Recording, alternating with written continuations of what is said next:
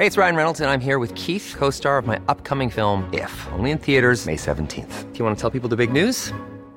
All right, I'll do. Sign up now and you'll get unlimited for $15 a month in six months of Paramount Plus Essential Plan on us. Mintmobile.com slash switch.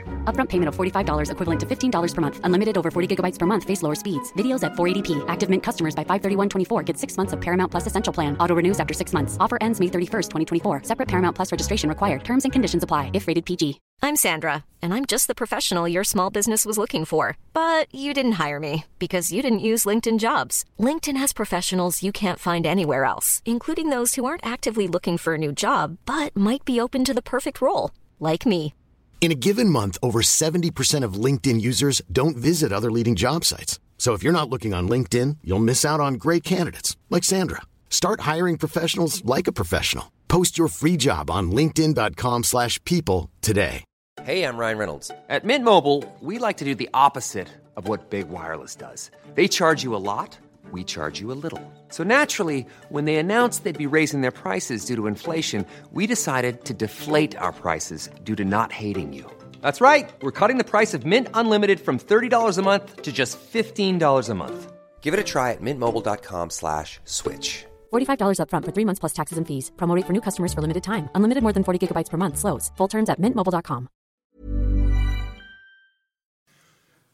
Generaler, admiraler, hver og en, medlemmer og gjester, varmt velkommen til aftenens møte i Oslo Militære Samfunn.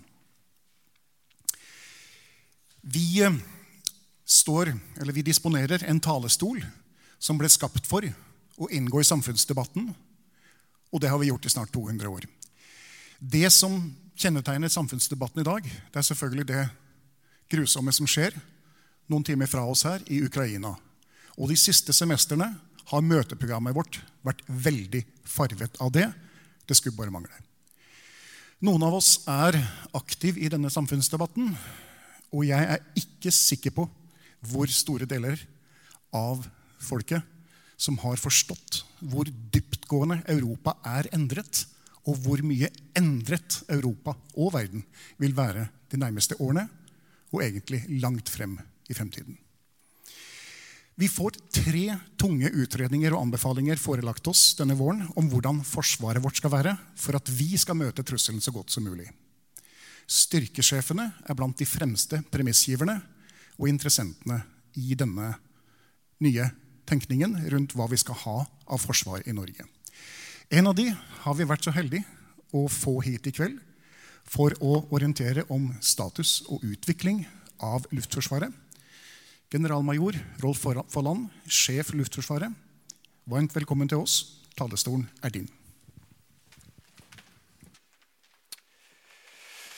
Tusen takk skal du ha.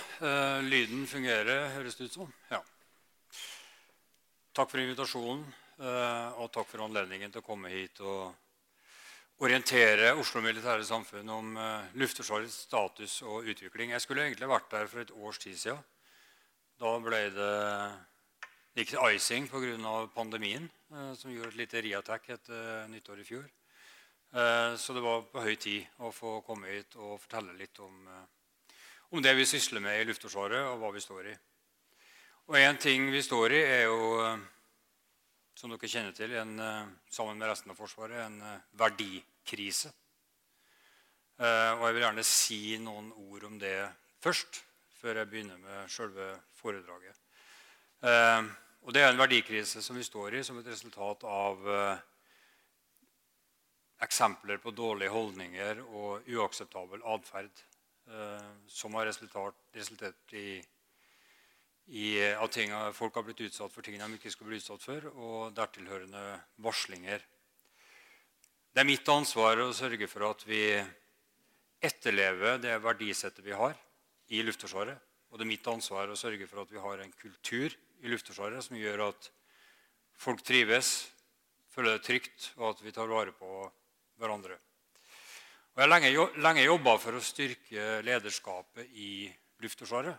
Eh, fordi at vi trenger tydelig lederskap. Eh, vi trenger ikke mer virksomhetsstyring, mer arbeidsgrupper og mer eh, analyseprosesser, egentlig.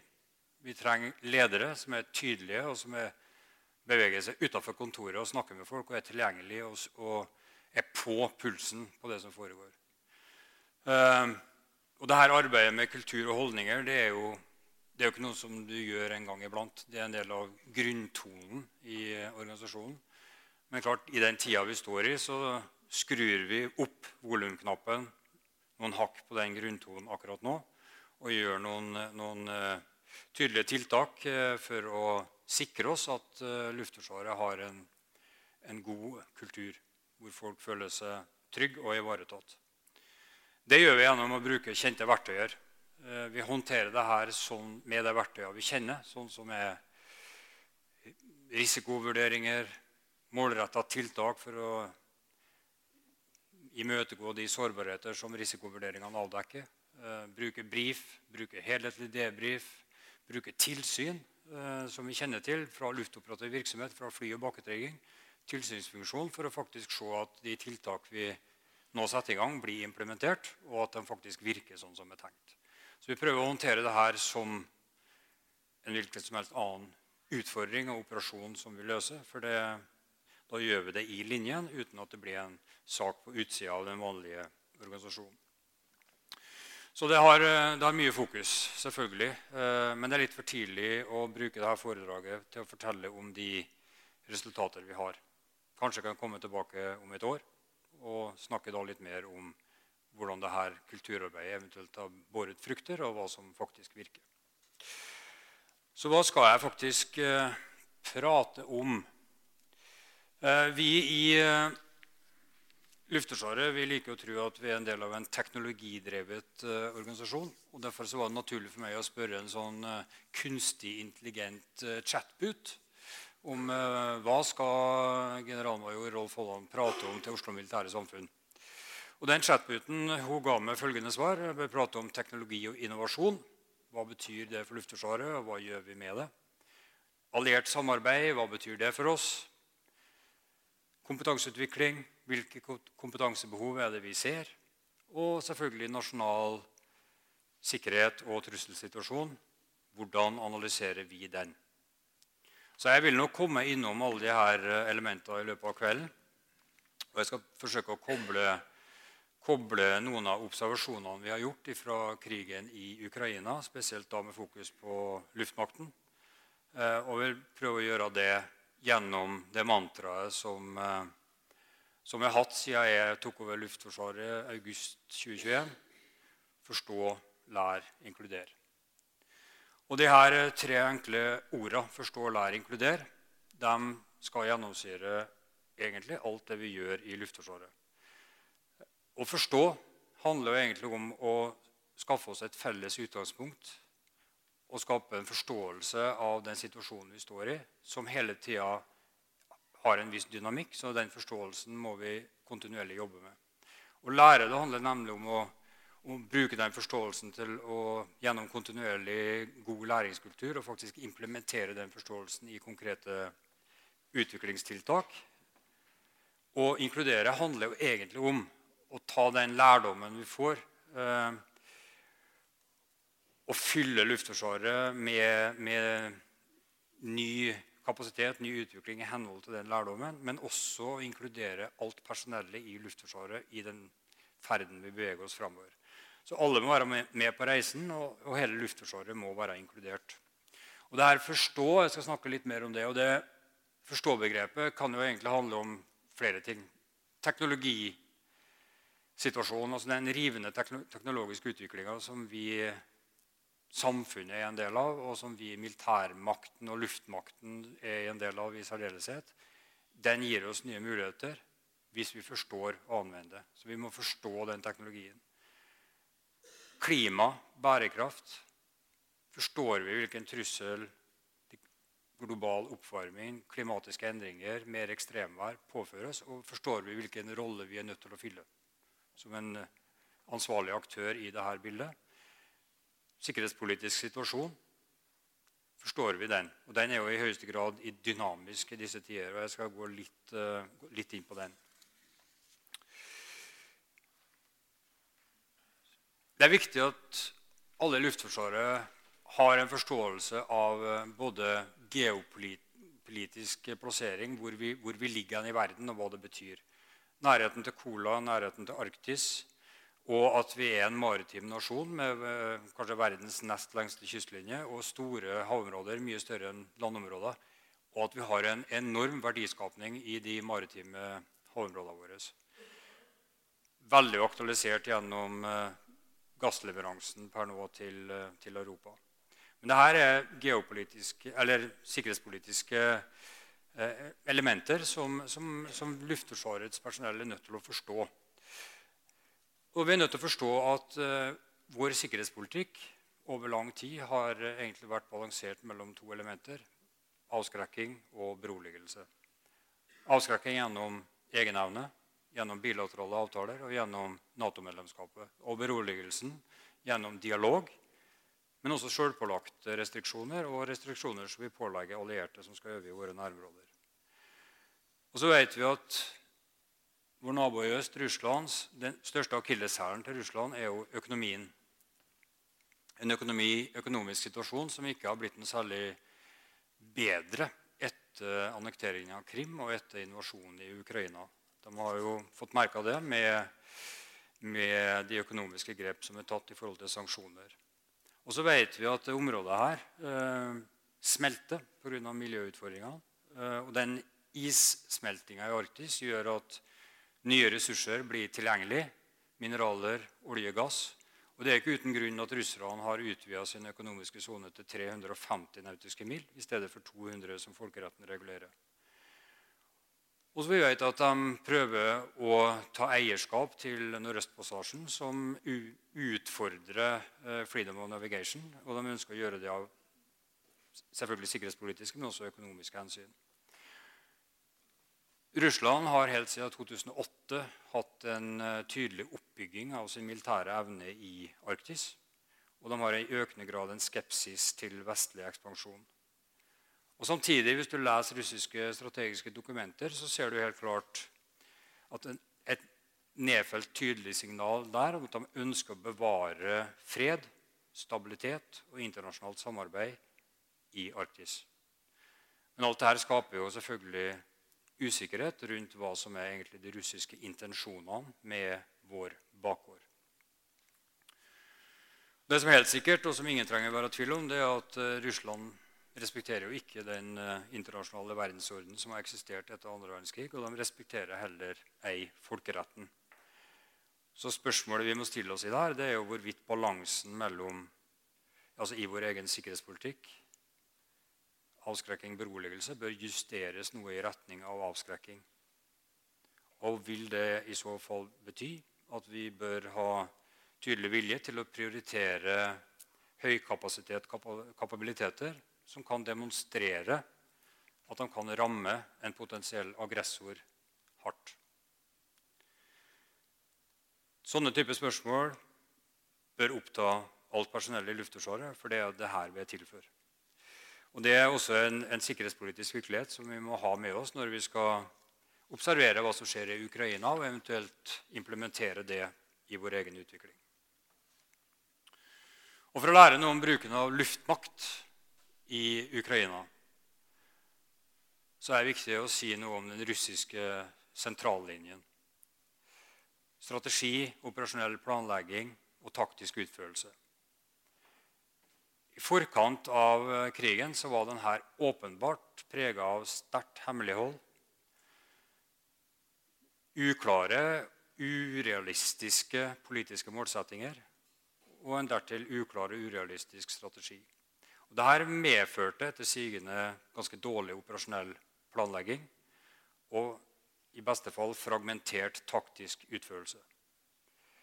I tillegg så vet vi at den russiske luftdoktrinen er en arv etter sovjetisk doktrine, som tradisjonelt har fokusert på at luftmakten skal være en støtte til landmakten og følge landmaktens fremrykning tett. Altså ikke en luftmaktanvendelse som vi kjenner fra vestlig bruk, hvor man gjennomfører komplekse luftoperasjoner for å etablere et, eh, i hvert fall en grad av luftoverlegenhet, eller i beste fall luftherredømme. Og vi vet at moderne fellesoperasjoner så er nettopp kontroll av luftrommet ofte utslagsgivende for, for, om det blir en operasjonell suksess eller ikke. Og det er, tør jo være kjent for, eh, for flesteparten i, i eh, publikum her, men vi skiller jo mellom ulike grader av kontroll i luftrommet. Alt ifra en fordelaktig luftsituasjon til et uh, air supremacy, eller luftherredømme. Og en, klart en sentral observasjon fra det vi har sett i Ukraina, det er at det er ingen av partene som har klart å etablere kontroll i lufta over et større område eller over lengre tid. Og En sånn situasjon favoriserer gjerne den som, driver, som, som, eh, som er på defensiven, på, som forsvarer seg på bakken for å si det sånn, i denne sammenhengen i Ukraina. Men det, ganske, det er jo ganske asymmetrisk, sant? Eh, og det er ganske overraskende. Og det her styrkeforholdet som eksisterer mellom russisk og ukrainsk luftmakt, det, det var jo en sånn tilsvarende 10 til 1. Og det var ganske overraskende for veldig mange, for de aller fleste, vil jeg si, at, uh, at russerne ikke mye raskere klarte å etablere en grad av luftkontroll. Og hvorfor klarte de ikke det? Uh, og Det er flere observasjoner som kan bidra til det her. En sentral observasjon Eh, det er jo at eh, Ukraina har vært ganske smart i bruk av sitt eh, luftvern, i å beskytte luftvernet sitt. Og det, det tør vites at i de første dagene av etter invasjonen, de første tre-fire dagene, så, så, drev russiske luftstyrker ganske effektiv undertrykkelse av, av et relativt statisk ukrainsk luftvern gjennom suppression of enemy air defense-operasjoner med bruk av kampfly sånn som Foxhound og Flanker. Eh, med langtrekkende missiler, og de gjorde det ganske effektivt. Men etter noen få dager så, så skjedde et taktskifte hvor ukrainerne i mye større grad begynte å flytte på seg. Innføre mobilitet. altså De skrudde av eh, radarsystemene sine. Flytta seg, skrudde på, skaut av, flytta seg osv. Og, og, og det var ikke bare luftvernet. Også flystyrkene begynte etter hvert å operere på den måten. Og det det var en, en, en, utfordring som russerne ikke var kapable til å håndtere. Og, det, og luftkrigen i Ukraina skifta karakter. Sånn eh, Etter et års tid så er det lett å se at eh, både Russland og Ukraina har evna å utnytte sitt eget luftvern på en ganske effektiv måte. Men begge partene har mislykka å undertrykke fiendens uh, luftvernsystemer. Russland fordi at de ikke har evna å, å, sette sammen komplekse suppression of enemy air defense-operasjoner. altså Det å undertrykke fiendtlig luftvern og ødelegge det. Ukrainerne fordi at de har ikke hatt tilstrekkelig offensiv kapabilitet. Og det har heller ikke vært et politisk eh, vilje til å gi dem kapabiliteter i så måte ennå.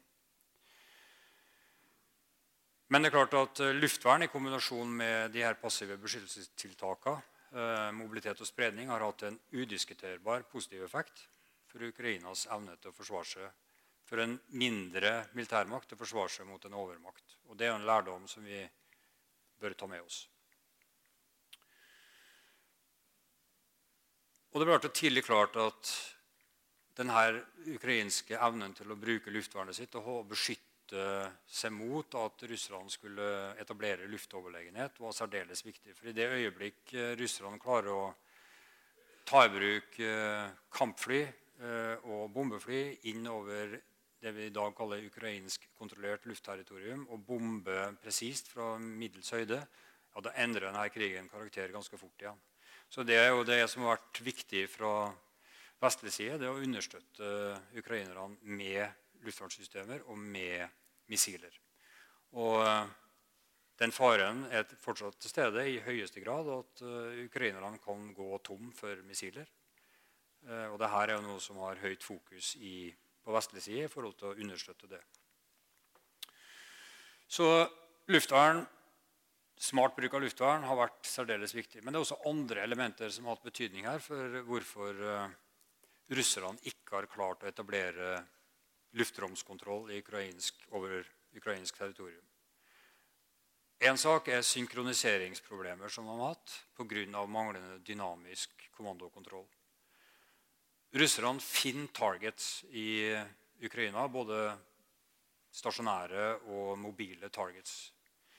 Men prosessen deres for å drive altså en targeting-prosess for å nominere de targeta og gjøre dem klar og få sendt det fram til, eh, til luftstyrkene, den tar 48 timer. Og på den tida så har eh, ukrainerne flytta seg. Så Det er en av de tingene som er problemet til eh, russisk luftmakt og kanskje det russiske forsvaret generelt. det er At de har en altfor treg, sentralisert kommando- og kontrollstruktur og veldig lite innslag av oppdragsbasert uh, taktikk. Sånn at kill-chainen deres går rett og slett for seint. Uh, et, et, annet eksempel på det er jo hvordan de har mangla å utnytte uh, elektronisk krigføring. Altså Russerne har ganske store kapasiteter på elektronisk krigføring. Og de har brukt dem. Vi ser at Når de skrur dem på jamme, så jammer de alt, også sine egne eh, kommunikasjonssystemer og radarer. Og Når du da har et system som ikke har innebakt eh, oppdragsbasert eh, eh, taktikk og evnen til å kunne løse oppdrag eh, uten at du har sentralisert styring på det hele veien, så får du handlingslammelse, og du får ikke noen bevegelse, og ting stopper opp. Og det er det vi ser. Sånn at de har aldri, Det har vært en sånn katt og mus-lek her, hvor de ikke kunne ha skrudd av De kan ikke kunne jamma ut hele spekteret. Si sånn. De måtte ha elementer av frekvensspekteret oppe. Og det har jo også gjort at effekten har vært marginal for deres, for deres offensiv. Sånn at det har blitt en statisk krig. Og så ser vi at russerne mangler tankestøtte for kampflyene sine. Uh, de har jo Illusion 76 for eksempel, i ganske stort omfang, men, vi ser at de brukes i stor grad til de strategiske bombeflyene og til, til maritime patruljefly. Og Tankestøtte er jo som dere kjenner til, avgjørende for å kunne sette sammen store pakker av fly for å gjennomføre komplekse operasjoner hvor ting skal kanskje rendezvous via tankeren før det pusher inn for en uh, SEED-operasjon, eller Suppression of Enemy Defense. Uh, og det, det her uh, det har vært, De har ikke brukt tankere å, altså for å sette opp lengre ståtid på kampflyene sine eller sette sammen større flystyrker på russisk territorium for å pushe inn i Ukraina. Men det de har gjort, er at de har drevet en del combat air patrols med, med flanker, med, med MiG-31 eh, og for så vidt noen andre kampfly òg, men gjerne med bare to sammen i en cap. To timer time on station.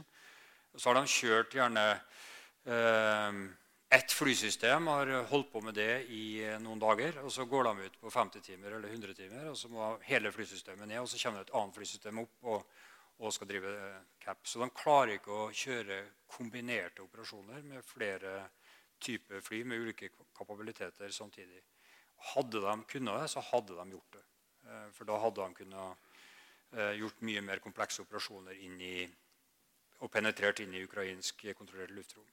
Så det vi ser, da, og som alle har sett, er at vi får masse lobbing av eh, langtrekkende missiler fra russisk territorium, fra luft, fra land, inn i Ukraina. Eh, og spesielt mot faste installasjoner, sånn som energiinfrastruktur, luft, nei, eh, vanninstallasjon, vannforsyning osv. Og Det er et stort problem for ukrainerne, for det binder opp det luftvernsystemet de har. De er nødt til å beskytte ikke bare militære kapabiliteter, men også sivil infrastruktur. Uh, og Vi ser jo at uh, NASAMS, for eksempel, som de har fått støtte av, og som vi opererer, det virker veldig godt. De uh, har jo sånn 99% nedskyting på det de skyter på, på kryssemissiler. Når de er på rett sted til rett, rett, sted til rett tid. Eh, så det er stor effekt av det. Men det er klart at Ukraina er et stort land, og det er mye infrastruktur som eh, rammes. Så de har en kjempeutfordring. Og det som er enda større utfordring, det er ballistiske missiler. Og vi vet at Ved krigens inngang så hadde russerne omtrent det her er fra åpne kilder, så jeg kan si, ca. 900 Iskander ballistiske missiler. De har brukt ca. halvparten. Det brukte de eh, våren i fjor. Og de, har, eh, de produserer ca. seks missiler i måneden.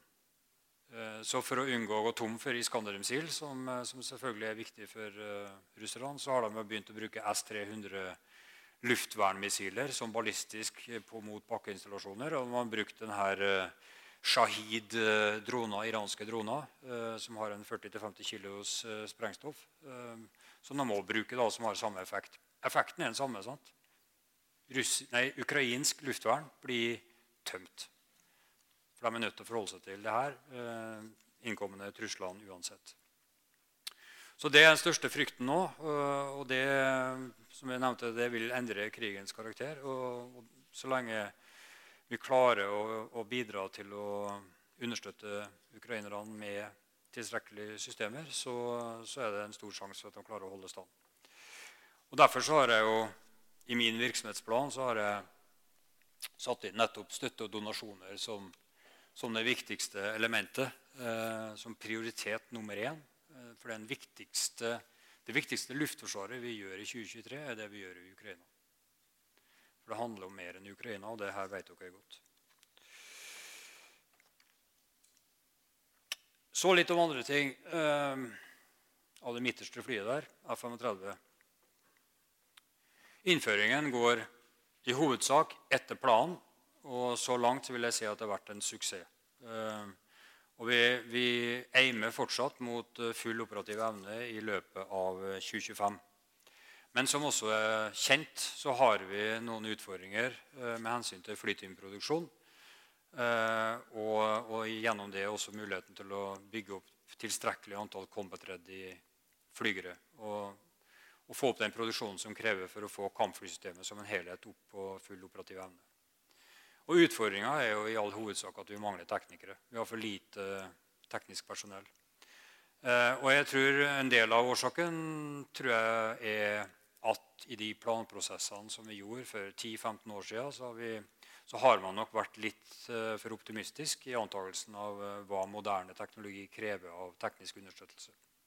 Jeg vet at De initielle tallene som ble sagt, var ca. seks teknikere per fly. Og Så ble det vel noe effektivisering der, og så kom man ned til fem og så ned til fire. Og I realiteten så er vi på tre og en halv teknikere per fly i dag.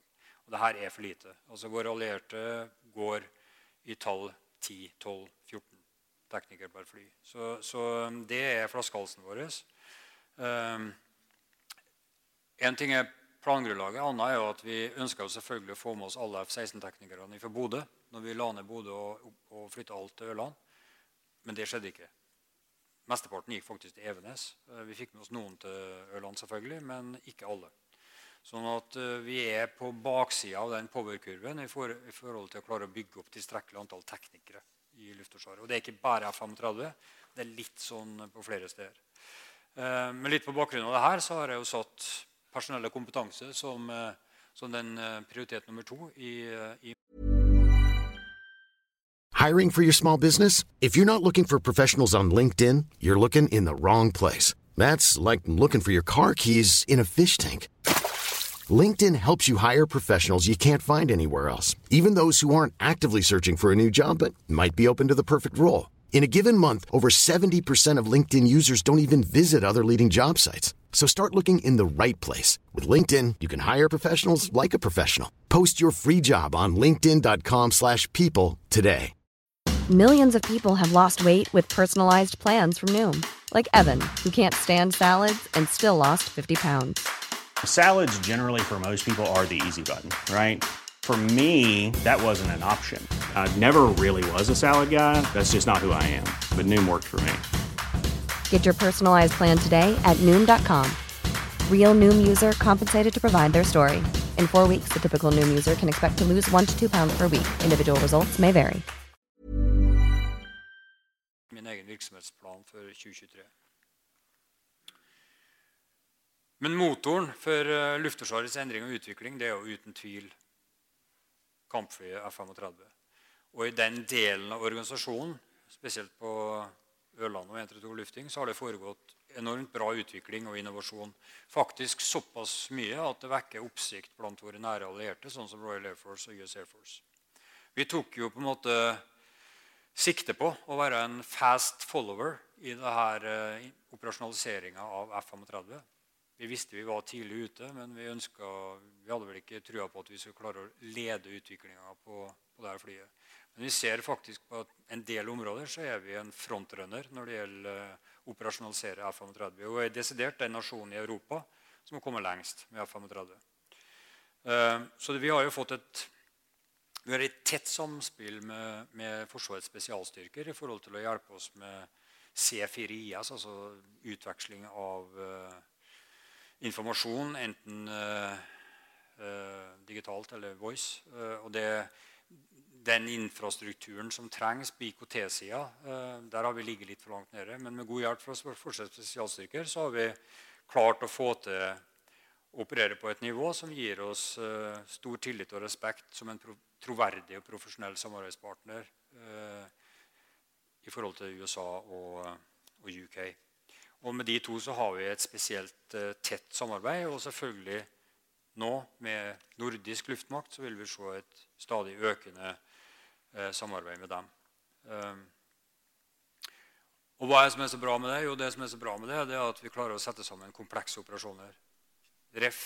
erfaringen fra hva russerne ikke får til i Ukraina. Vi klarer ikke det alene, men sammen med nære allierte så klarer vi å få volum på operasjonene. Vi klarer å få tankerstøtte. Og vi, og vi klarer å, å, å, gjennomføre komplekse, sammensatte luftoperasjoner med bilateral støtte før vi er i full collective defense. Og det er viktig. og Derfor har jeg satt eh, alliert og fellesoperativt samvirke som nummer tre på virksomhetsplanen. Jeg skal ta kjapt og gå inn på et eksempel her. og det her er en, eh, et, et, eksempel på dette samarbeidet. Og det her er en av de siste vignettene som vi i Luftforsvaret gjennomførte med det som kalles Bomber Task Force. Eh, amerikansk Bomber Task Force. Og andre eh, både nasjonale og allierte styrker. Jeg kaller det en vignett, fordi den viser hva som er mulig å få til, gitt at forutsetningene er på plass. Og En av forutsetningene er jo nettopp funksjonell og effektiv luftkommando og kontroll.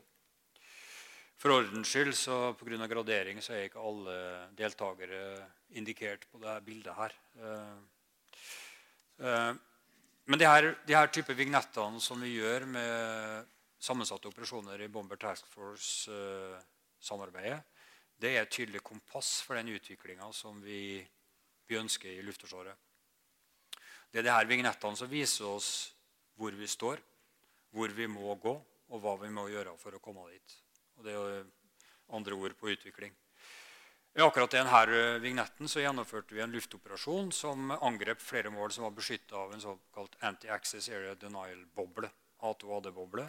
Eh, og den A2AD-bobla, Fiendtlige A2AD-bobla bestod besto av kampfly, strategisk og taktisk luftvern som jobba i et integrert luftforsvarssystem.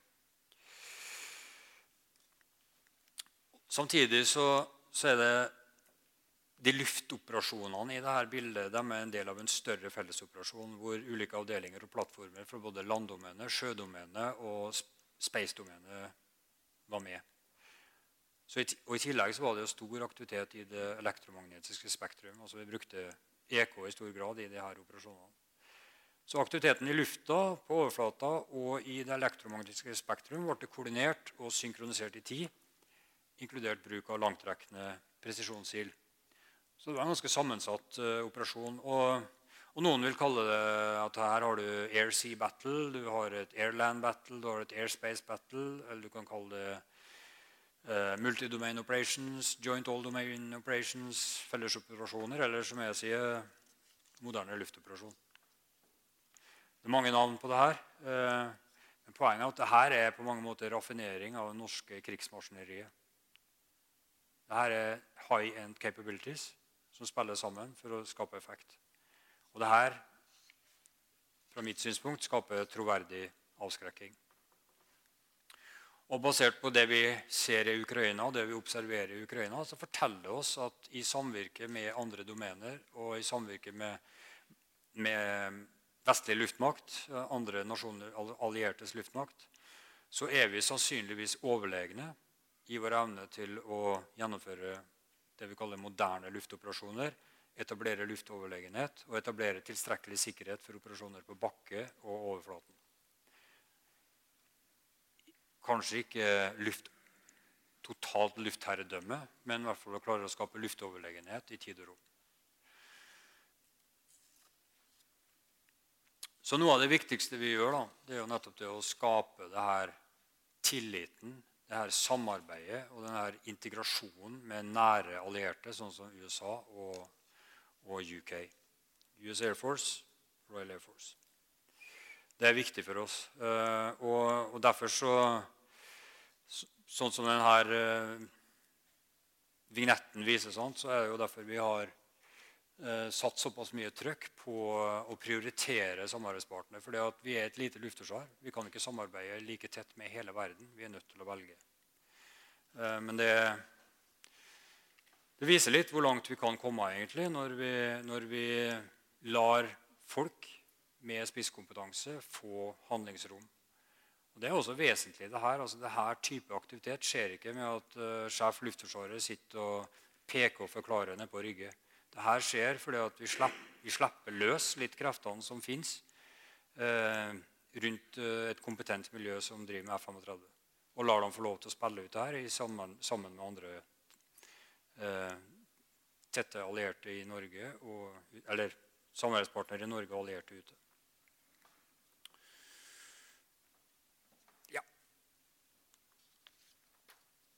P8. Vi har gjort veldig mye siste året når det gjelder eh, innfasing av det nye maritime patruljeflyet.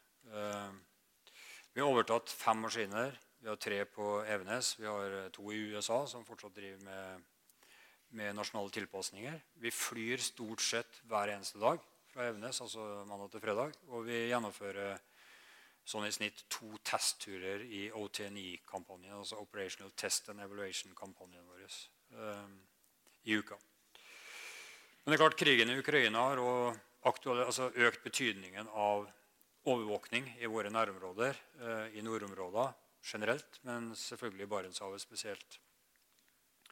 Og I Luftforsvaret har vi prøvd å inkludere den lærdommen i at vi øker operasjonene i en periode hvor vi egentlig eh, alle pilene peker på at vi skulle ha redusert aktivitet med MPA med en P3 som er på vei ut og ri ned i solnedgangen, og en P8 som ennå ikke er operasjonalisert, men som er på vei mot IOC. Eh, men vi har, i den perioden så har vi faktisk klart å øke denne leveransen. Og, og nettopp operative leveranser er jo min fjerde prioritet i, i uh, virksomhetsplanen for 2023. Så IOC skulle vi nå til sommeren. Det har vi skutt fram til eh, ja, det er en par uker fra nå. Uke 16 så skal vi være IOC med, med P8. Vi begynner å fly operativt i Barentshavet med P8 senere denne uka her. Uh, og vi kommer til å begynne med operative leveranser allerede. Altså, vi har så smått allerede begynt. Uh, så uh, med, som, samtidig som at P3 leverer langt over evne. og der har vi, det det er grunn til å være stolt av eh, det de har fått til på Andøya eh, i den perioden de har stått i. med selvfølgelig store utfordringer i forhold til nedleggelse av flystasjonen eh, og avslutning på, et, på, en lang historie med P3. Samtidig så leverer han faktisk helt utrolig bra. Så, så, vi vil nok se den våren her at P3 og P8 leverer operative oppdrag i nord sammen. Samtidig så gjør vi et integrert arbeid mellom P8 og F-35 spesielt i det som heter maritim luftkampanje, eller Air Sea Battle. Og Det handler jo om nettopp å sikre Sea Lines og Communication og sikre innseiling for alliert uh, forsterkning. Uh, og da i særdeleshet ha kontroll på, på uh, ubåter. Litt om hva vi gjør i forhold til det vi har sett fra med bruk av luftvern og spredning og konsepter. Aktive, passive beskyttelseskonsepter. Eh, det som skjedde i Ukraina, og effekten av det vi så der, gjorde selvfølgelig at eh, vår eget fokus på spredningskonsept skjøt fart i 2022. Jeg prøvde å ta opp spredningskonsept for mange år siden, og det var ikke mulig å snakke om det. For da handla det om at man skulle sørge for at man fikk tilstrekkelig oppbygging av en kampflybase på Ørland. Vi vet vi har et uh, marginalt luftvernoppsett der. Vi vet vi er ikke dekt på alle innkommende potensielle trusler. Ergo så er vi nødt til å etablere et spredningskonsept. Og det, og det gjør vi nå. Men det er en inkrementell prosess. altså Det skjer ikke over natta. Det skjer steg for steg. Og det første er jo at vi for å få i gang det her så fort som mulig, det er at vi bruker de ressursene vi har, og sentraliserer rundt F-35 i første omgang. Og prøver å få dytta F-35 til å kunne operere ut med, på våre militære flystasjoner i Norge. Trinn to er at vi vil gjøre det på sivile flybaser i Norge. Trinn tre er at vi vil gjøre det på alliert infrastruktur. Tenk Norden. Sverige blir en perfekt dybde både for Norge og Finland. egentlig, eh, Og tenk Storbritannia. Eh, så, så, det er den inkrementelle prosessen vi går. Vi har allerede gjort eh, det som kalles FARP-operasjoner, eller Forward Area Refueling Point, med, sammen med amerikansk C-130. Så vi, vi, har, vi, vi, klarer å etterfylle F-35 med fuel hvor som helst, egentlig, hvis vi bare har en landingsstripe sammen med, med amerikansk C-130. Eh, og vi klarer å, å etterfylle våpen på samme måten. Sånn at eh, vi, har, vi ser at det her fungerer. Det som er eh, det som er clouet, er at vi skal være uforutsigbare.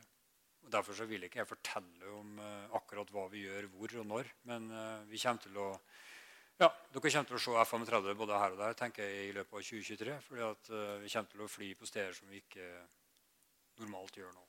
Eh, og Dette er en del av en, en villa, et villa handling. og Målsettinga er at vi skal ha et fullverdig sprednings- og overlevelseskonsept for Luftforsvaret i 2025. En annen observasjon av denne eh, Ukraina-krigen det er jo hvor mye det betyr å ha en robust personellstruktur og en kompetent personellstruktur. Og så viser den jo også veldig med tydelighet hva krig gjør av slitasje på, et, eh, på, en organisasjon, et samfunn, på personell. Eh, robust handler om både å sørge for at alt personell i Luftforsvaret har basic skills i forhold til det som kalles grønne ferdigheter. Eh, håndtere våpen, håndtere gassmaske, håndtere de basic tinga som vi alle må som soldater. Men også at vi har robusthet i forhold til samhold, verdier, holdninger. Og jo mer robust du klarer å lage det her i fredstid, jo mer klar er vi for å, for å klare å håndtere de utfordringene som kommer i krise og krig. Eh, men som dere kjenner til, så har vi også noen generelle utfordringer med personell i fredstid. Og det går jo spesielt på det her med beholdeperspektivet. beholderperspektivet. Det handler om å få på plass en work-life balance eh, over tid. Og det handler spesielt om å klare å holde på folk etter hvert som folk blir eldre, for familie, slår rot på andre steder enn de jobber. Eh, og hvor du får nye fasetter i livet for å si det sånn, som gjør at eh, enkelte finner det ikke mulig med den arbeidstidsordningene vi har, å fortsette sitt virke i Forsvaret, eller Luftforsvaret. Og her, eh, derfor har jeg oppfordra luftvingene og luftingsjefene til å komme med kreative, gode forslag til løsninger som, som gjør at denne work-life balance kan bli bedre. Og for å si det enkelt, det er de der ute som vet best hvor skoen trykker. Den trykker ikke akkurat på samme lest på alle steder i Luftforsvaret. Derfor ønsker jeg at de kommer opp med løsninger som de tror kan virke der de er. Det er det som har virka på, på, Andøya med P3-operasjonene. De satte i gang endra arbeidstidsordninger og litt mer, skapte litt mer fleksibilitet i hvordan folk kan jobbe. og Det har gjort at vi klarte å få ut det høye outputen som vi har fått der. I den kritiske perioden vi står i. Det er derfor det virker også på, med SAR-beredskap og 330-skvadronen gjennom 50 år. Sant? Det er jo samme personellstrukturen. Akkurat like, fire vaktbesetninger per avdeling som, har, som vi har løst det her siden 1973. Og Grunnen til at vi klarer å løse det, det er jo med en oppdragsmengde som har blitt ja, sikkert tidobla i den 50-årsperioden. Det er at man har gjort en endring av uh, arbeidstidsordningene som gjør at folk får en regulering mellom mye jobb når du er på jobb, og fritid. At du regulerer det at du får tatt ut avspasering og klarer å ivareta også et familieliv og andre ting. Sant? Det er jo ikke at folk er jo ikke, Min erfaring er at folk er ikke, de blir ikke så slitne av å jobbe mye. Men du blir sliten av uforutsigbarhet og blir dratt mellom to strikker. Og at du ikke føler at du tilfredsstiller verken det som skjer hjemme, eller det som skjer på jobb. Så der er vi nødt til å tenke litt nytt. Så det handler, Vi gjør det på en måte hvor vi prøver å få spilt opp eh, initiativer underfra. Det handler om inkludering. Det handler om å, å få, få, la folk få bruke den kreativiteten og innovasjonsevnen som de har.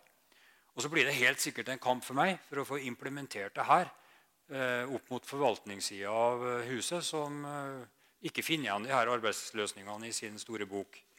Så, så det, den må vi bare ta. Eh, den kommer sikkert. Ok. Russisk, tregt, lite dynamisk eh, kommandokontroll. Eh, for å få mest mulig effekt ut av de moderne plattformene som vi opererer i Luftforsvaret, så er vi helt nødt til å gjøre noe med vårt eget luftkommandokontrollsystem og organisasjon. Vi må kort og godt bli mer dynamisk. Eh, denne organisasjonen har sett ganske lik ut i mange, mange år, flere titalls år, mens vi egentlig har skifta teknologi og fått nye kapabiliteter som egentlig gjør at eh, behovet endrer seg for kommando og kontroll. Og jeg anser eh, faktisk reorganiseringen og transformasjonen av luftkommando og kontroll som helt avgjørende for at vi skal oppnå et økt tempo i, i Killchain og få en effektiv utnyttelse av ressursene. Og det, Den endringen er i gang, og det baserer vi oss på noen, eh, noen faktorer som er sentrale. Noen av dem står her. Luftkommando og kontroll må være realistisk. Altså, vi er et lite luftforsvar med begrensa ressurser. Ja, vi må drive luftoperasjoner med en gjenkjennbar eh, prosess og prosedyrer og leveranser og språk som eh, våre nære allierte. Er helt selvfølgelig, Men vi kan ikke drive alt i samme bredden som US Air Force. Altså, Vi er et lite luftforsvar, så vi er nødt til å velge og vi er nødt til å ta risiko. Og vi er nødt til å tenke litt nytt og innovativt. Eh, og det gjør vi. Eh, luftkommando og kontroll er nødt til å være fellesoperativt og ikke rent lufttaktisk. Fordi at norsk luftkommando og kontroll det er fellesoperativt. Alle luftoperasjoner i Forsvaret, i alle domener, håndteres av Luftforsvaret. Det er underlagt uh, vår tasking, og det er vi som styrer luftoperasjonene. Enten det skjer til støtte for Hæren, Sjøforsvaret, spesialstyrkene og, så. Sånn at, uh, sånn at uh, vår innretning på luftkommando og kontroll må også ta inn over seg at vi må ha inn elementer fra de andre domener for å få gjort det her tilstrekkelig effektivt i en fellesoperativ setting. Og, og For å få til det her så er vi klinka nødt til å utvikle connectivityen vår, altså evnen vår til å kommunisere eh, raskt med, med, alle andre taktiske kommandoer. Og så er det viktig at vi, at vi at vi bygger en AirC2, som, altså en luftkommandokontroll som tar inn over seg at uh, luftmakt er funksjonelt og ikke geografisk orientert. Vi er ikke begrensa av verken eh, fjell eller fjorder, for å si det sånn, uh, eller hindringer. Så vi, vi kan motta alliert støtte fra egne baser, og vi må kunne koordinere og ta imot direkte alliert støtte fra andre baser direkte inn i operasjoner inn til støtte for oss. Eh, sånn at vi må ha en nettverksinfrastruktur som er gjenkjennbar og kompatibel med våre nære allierte. Vi må ha systemer som gjør at vi kan utveksle denne informasjonen raskt og kunne nesten plug and play. Det vil si at Allierte luftstyrker må kunne komme inn raskt og kjenne igjen den luftkommando og kontroll som, den, som vi yter, eh, og, og operere sømløst inn i det. En annen viktig ting er det her med delegert myndighet. Eh, og Det er jo en ting som endrer seg med teknologien, som gjør at moderne luftoperasjoner er mye mer komplekse, dynamiske, hurtige og egentlig kaotiske, uoversiktlige. Eh, fordi at moderne plattformer er mye mer kapable enn tidligere generasjoner fly. F-35 er mye mer kapabel enn F-16. Eh, og situasjonsforståelsen vil ofte kunne være høyest hos flygeren eller eh, mission commander. Ikke hos dem som sitter i fjellet og leder operasjonen fra et operasjonssentral. Derfor må vi også utvikle ROE-er og delegeringsprinsipper som gjør at du kan ta beslutninger der ute. Så det her er vi i full gang med. Eh, og jeg, skal, jeg, håper at jeg kan komme tilbake sånn ca. i 2025 og fortelle dere om hva vi har fått til. Eh, det er ikke sikkert det er snakk om en nasjonal luftoperasjonssenter. Kanskje en nordisk, kanskje en arktisk luftoperasjonssenter. Det er stor interesse for våre nære allierte å være med på det her. Helt uh, avslutningsvis så skal jeg si litt om klima og miljø. Bærekraft og hva vi gjør i Luftforsvaret for å utvikle oss på dette området. Tenk over det, så er det egentlig to ting som kan uh, forhindre menneskelig eksistens på den jorda her framover. Og det er et nukleær armageddon eller en eskalerende klimakrise som kommer ut av kontroll. Klimaendringene de er her. Armageddon er ikke her riktig ennå, i hvert fall. Eh, men klimaendringene er her. Eh, og, og, det er klart at Som følge av de klimaendringene så ser vi jo, og vil se, eh, mer ekstremvær, mer tørke, mer sultkatastrofer, mer folkevandringer, mer press på, på, på flere elementer av både samfunnssikkerhet og statssikkerhet. Og vi ønsker å være proaktive i det her. Både fordi at som ansvarlig aktør så må vi ta vårt ansvar innenfor eh, bærekraft, klima og miljø, men også fordi det er viktig av rekrutteringshensyn.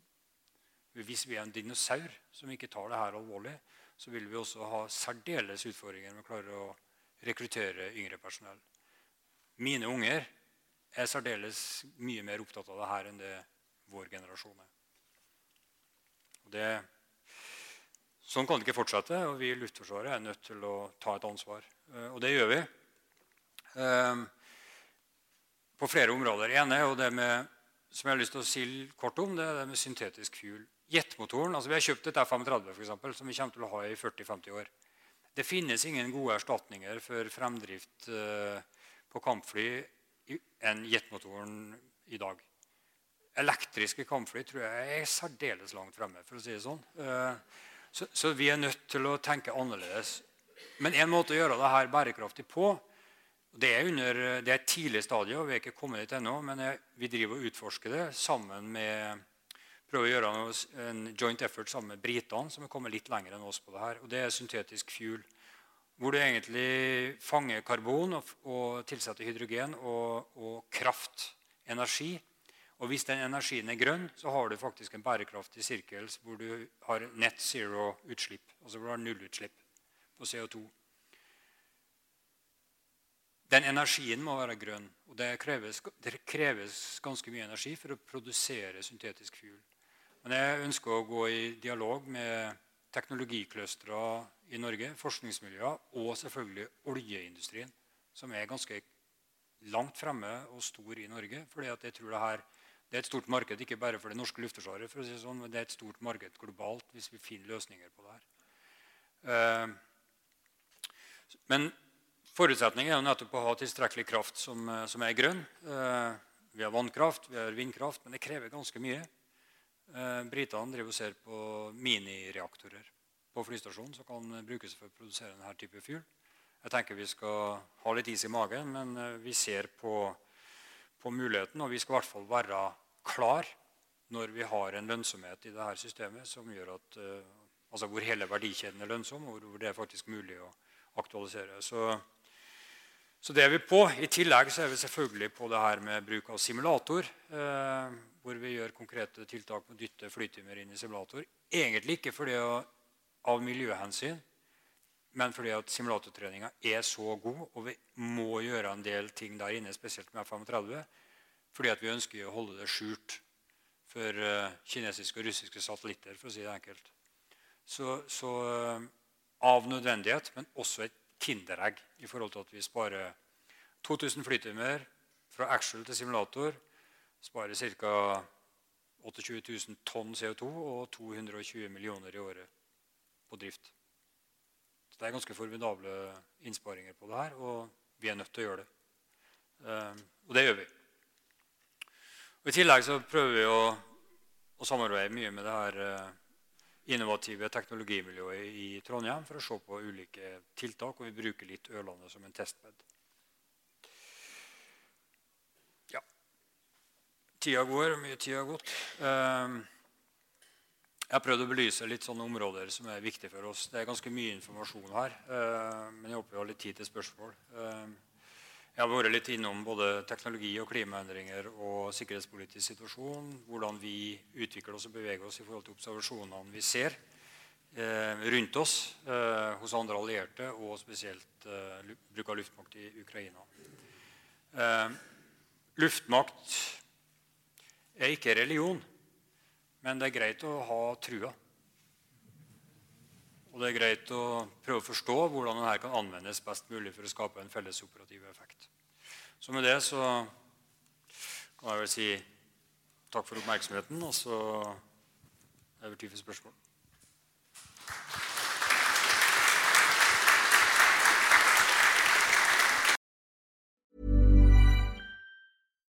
Why don't more infant formula companies use organic, grass fed whole milk instead of skim? Why don't more infant formula companies use the latest breast milk science? Why don't more infant formula companies run their own clinical trials? Why don't more infant formula companies use more of the proteins found in breast milk? Why don't more infant formula companies have their own factories instead of outsourcing their manufacturing? We wondered the same thing. So we made ByHeart, a better formula for formula. Learn more at byheart.com.